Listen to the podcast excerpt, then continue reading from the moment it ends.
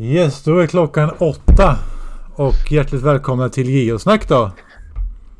Yay! Yay! Taggade? Oh ja. Ja då. Oh ja. ja. Och idag ska vi prata om eh, Sito.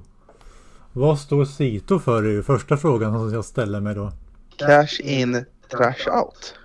Och det innebär? Eh, man eh, träffar geocacher sinsemellan och eh, plocka skräp helt enkelt. Men jag har också läst på så det behöver inte nödvändigtvis vara skräpplockning. Det kan vara rensning av gångar eller typ så här basic trädgårdsarbete skulle det också kunna vara. Eh, jag läste om i geocache-gruppen att det var någon som hade eh, rensat björk från någonting. Jag kommer inte ihåg vad det var men de hade rensat björkar i alla fall. Okej, hemma hos någon? Annars har jag, för jag, Eh. jag har trädgårdsarbetare som kan komma och hjälpa till med.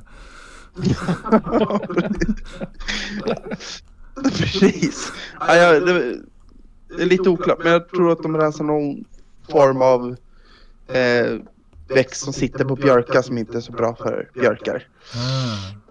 Men då tänker jag man skulle kunna använda det till så här invasiva arter med om vi plockar bort sådana längs med vägsträckorna eller någonting. Då får man elda också. Precis. Ja. Så, men eh, man gör fint i sin omgivning.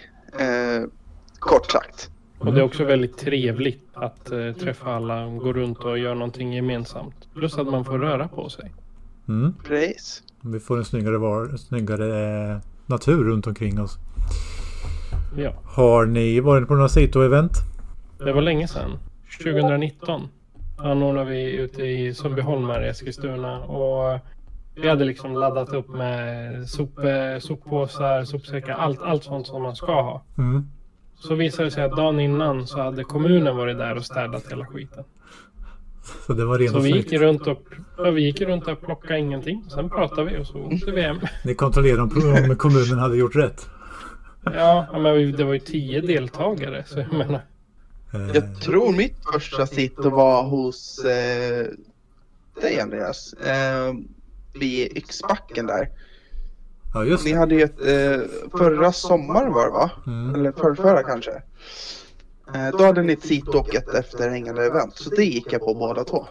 Det var faktiskt mitt första Sito som jag anordnade. Ja, det var